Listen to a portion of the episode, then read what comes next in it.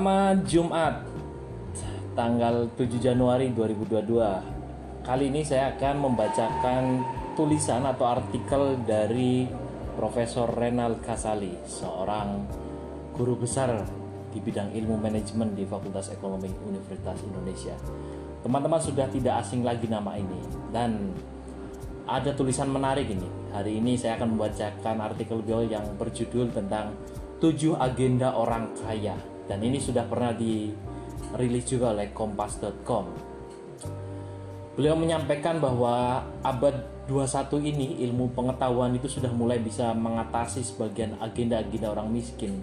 Sebut saja pemberantasan penyakit-penyakit menular ya, malnutrisi atau kurang gizi, ketimpangan, modal insani dan kini kita mulai membicarakan masalah stunting. Hadirnya pemimpin yang pro-pur seperti Indonesia telah membuka banyak akses bagi kaum miskin untuk menikmati layanan publik.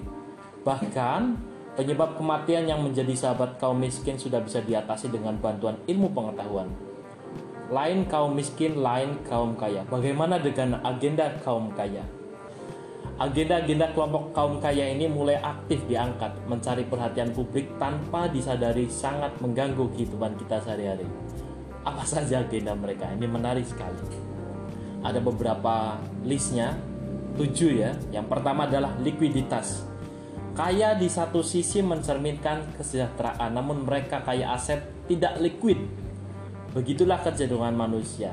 Semakin kaya semakin banyak keinginan yang dimiliki menyimpan dalam bentuk non cash namun setiap aset memerlukan biaya yang tidak kecil. Seseorang yang mempunyai dua apartemen saja harus menyediakan cash untuk membayar service charge bulanan PBB dan sebagainya. Bayangkan bagi mereka yang memiliki ribuan aset. Artinya akan semakin kaya semakin berkurang likuiditasnya. Dan ujian yang datang begitu krisis terjadi, utang-utang membesar dan hanya satu dari 10 orang kaya yang asetnya di likuiditas. Mereka yang mempunyai aset liquidlah yang selamat. Krisis moneter 98 memberikan pelajaran bahwa hanya satu bank milik konglomerat yang selamat dan tersisa sampai hari ini karena likuiditasnya Bank-bank mereka kini sudah berpindah tangan ke pemilik baru yang lebih memiliki aset liquid. Mereka merepotkan negara karena menyedot likuiditas yang dikenal sebagai bantuan likuiditas Bank Indonesia atau BLBI. Karena kekhawatiran itulah maka tak mengherankan bila setiap kali terjadi ancaman krisis, mereka pula lah yang paling lantang menyuarakan ketakutan. Itulah yang mencerminkan situasi yang mereka hadapi, kekurangan likuiditas. Agenda yang kedua adalah pajak. Hal kedua yang selalu ditakuti orang kaya adalah pajak.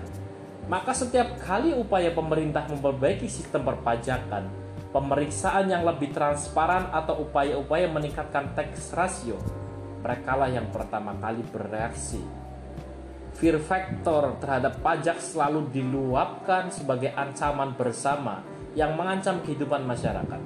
Mereka pula yang dalam dua tahun terakhir menyuarakan bahwa kelesuan ekonomi disebabkan oleh ancaman pembebanan pajak. Di sisi lain, fasilitas tax holiday yang disediakan negara ternyata tidak digunakan dengan baik. Yang ketiga adalah gula.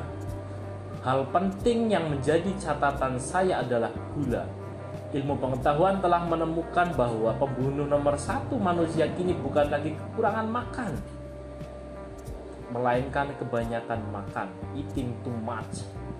Obesitas dan penyakit-penyakit yang berhubungan dengannya telah menjadi musuh utama umat manusia.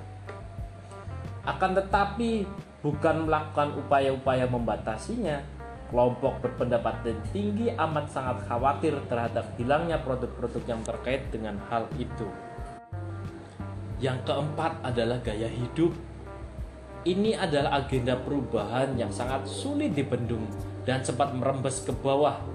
Namun biayanya sangat mahal dan membuat biaya hidup kaum kaya makin mahal dan sensitif terhadap perubahan.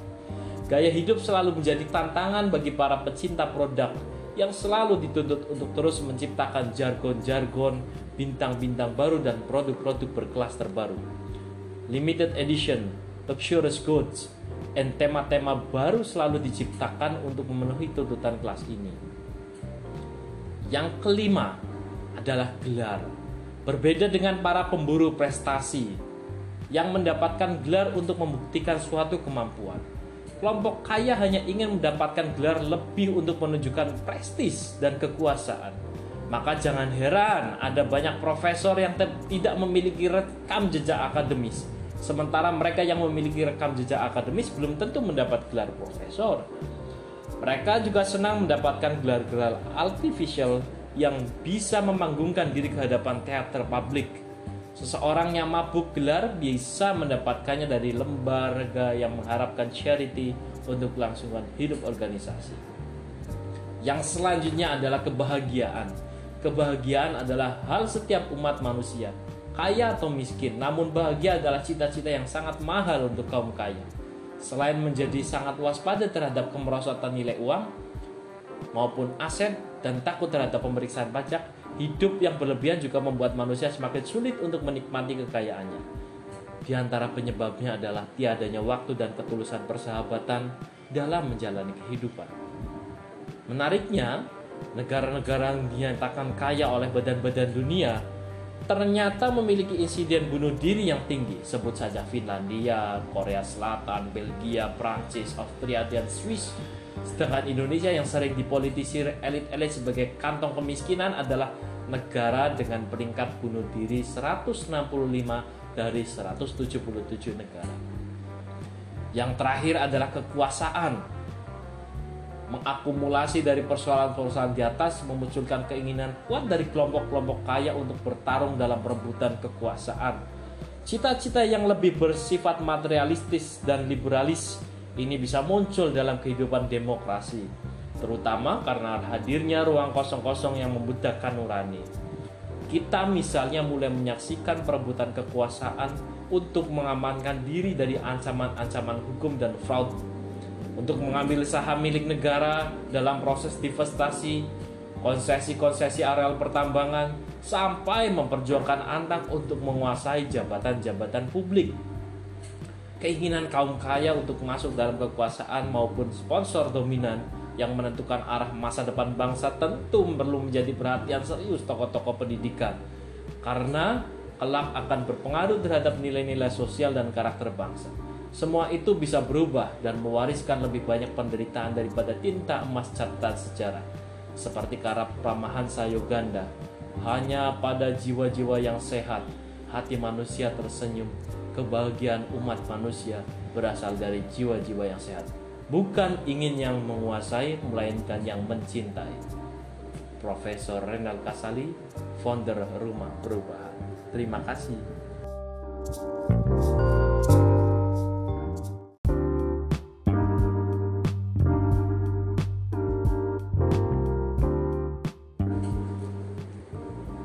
Selamat Jumat tanggal 7 Januari 2022. Kali ini saya akan membacakan tulisan atau artikel dari Profesor Renal Kasali, seorang guru besar di bidang ilmu manajemen di Fakultas Ekonomi Universitas Indonesia. Teman-teman sudah tidak asing lagi nama ini dan ada tulisan menarik ini. Hari ini saya akan membacakan artikel beliau yang berjudul tentang tujuh agenda orang kaya dan ini sudah pernah dirilis juga oleh kompas.com. Beliau menyampaikan bahwa abad 21 ini ilmu pengetahuan itu sudah mulai bisa mengatasi sebagian agenda-agenda orang miskin. Sebut saja pemberantasan penyakit-penyakit menular ya, malnutrisi atau kurang gizi, ketimpangan, modal insani dan kini kita mulai membicarakan masalah stunting. Hadirnya pemimpin yang pro-pur seperti Indonesia telah membuka banyak akses bagi kaum miskin untuk menikmati layanan publik. Bahkan, penyebab kematian yang menjadi sahabat kaum miskin sudah bisa diatasi dengan bantuan ilmu pengetahuan. Lain kaum miskin, lain kaum kaya. Bagaimana dengan agenda kaum kaya? Agenda-agenda kelompok kaum kaya ini mulai aktif diangkat, mencari perhatian publik tanpa disadari sangat mengganggu kehidupan kita sehari-hari. Apa saja agenda mereka? Ini menarik sekali ada beberapa listnya. Tujuh ya. Yang pertama adalah likuiditas.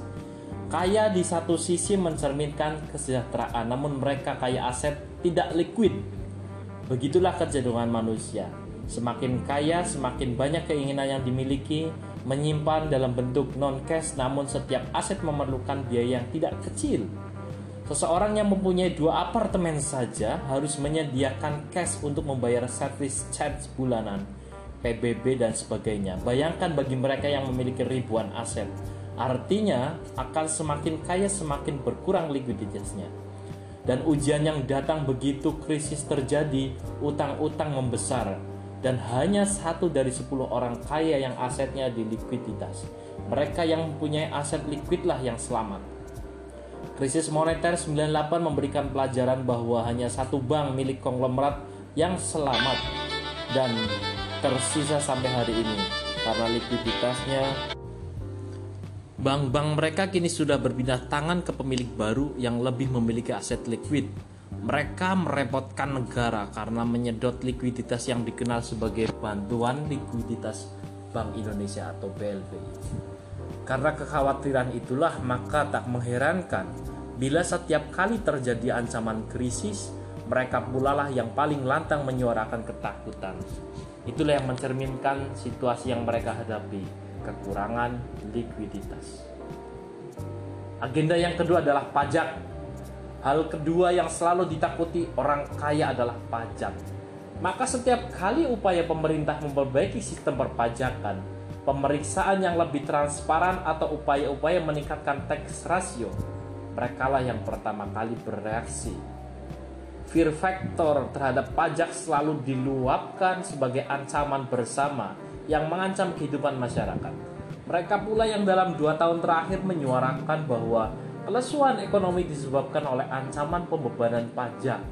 Di sisi lain, fasilitas tax holiday yang disediakan negara ternyata tidak digunakan dengan baik. Yang ketiga adalah gula. Hal penting yang menjadi catatan saya adalah gula. Ilmu pengetahuan telah menemukan bahwa pembunuh nomor satu manusia kini bukan lagi kekurangan makan, melainkan kebanyakan makan, eating too much. Obesitas dan penyakit-penyakit yang berhubungan dengannya telah menjadi musuh utama umat manusia. Akan tetapi, bukan melakukan upaya-upaya membatasinya, kelompok berpendapat tinggi amat sangat khawatir terhadap hilangnya produk-produk yang terkait dengan hal itu. Yang keempat adalah gaya hidup ini adalah agenda perubahan yang sangat sulit dibendung dan cepat merembes ke bawah. Namun biayanya sangat mahal dan membuat biaya hidup kaum kaya makin mahal dan sensitif terhadap perubahan. Gaya hidup selalu menjadi tantangan bagi para pecinta produk yang selalu dituntut untuk terus menciptakan jargon-jargon, bintang-bintang baru dan produk-produk berkelas terbaru. Limited edition, luxurious goods, dan tema-tema baru selalu diciptakan untuk memenuhi tuntutan kelas ini. Yang kelima adalah gelar. Berbeda dengan para pemburu prestasi yang mendapatkan gelar untuk membuktikan suatu kemampuan. Kelompok kaya hanya ingin mendapatkan gelar lebih untuk menunjukkan prestis dan kekuasaan. Maka jangan heran ada banyak profesor yang tidak memiliki rekam jejak akademis Sementara mereka yang memiliki rekam jejak akademis belum tentu mendapat gelar profesor. Mereka juga senang mendapatkan gelar-gelar artificial yang bisa memanggungkan diri ke hadapan teater publik. Seseorang yang mabuk gelar bisa mendapatkannya dari lembaga yang mengharapkan charity untuk kelangsungan hidup organisasi. Yang selanjutnya adalah kebahagiaan. Kebahagiaan adalah hal setiap umat manusia kaya atau miskin, namun bahagia adalah cita-cita yang sangat mahal untuk kaum kaya. Selain menjadi sangat waspada terhadap kemerosotan nilai uang maupun aset dan takut terhadap pemeriksaan pajak, hidup yang berlebihan juga membuat manusia semakin sulit untuk menikmati kekayaannya.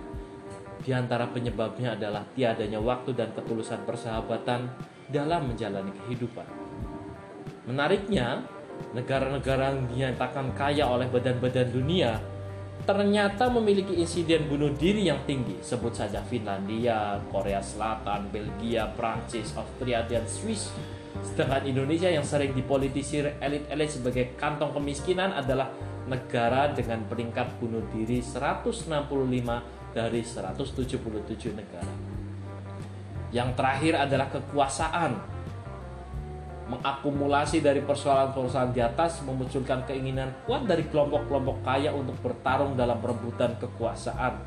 Cita-cita yang lebih bersifat materialistis dan liberalis ini bisa muncul dalam kehidupan demokrasi, terutama karena hadirnya ruang kosong-kosong yang membudakkan nurani. Kita misalnya mulai menyaksikan perebutan kekuasaan untuk mengamankan diri dari ancaman-ancaman hukum dan fraud untuk mengambil saham milik negara dalam proses divestasi, konsesi-konsesi areal pertambangan, sampai memperjuangkan anak untuk menguasai jabatan-jabatan publik. Keinginan kaum kaya untuk masuk dalam kekuasaan maupun sponsor dominan yang menentukan arah masa depan bangsa tentu perlu menjadi perhatian serius tokoh-tokoh pendidikan karena kelak akan berpengaruh terhadap nilai-nilai sosial dan karakter bangsa. Semua itu bisa berubah dan mewariskan lebih banyak penderitaan daripada tinta emas catatan sejarah. Seperti karap ramahan Sayoganda, hanya pada jiwa-jiwa yang sehat, hati manusia tersenyum. Kebahagiaan umat manusia berasal dari jiwa-jiwa yang sehat. Bukan ingin yang menguasai, melainkan yang mencintai. Profesor Renal Kasali, founder Rumah Perubahan. Terima kasih.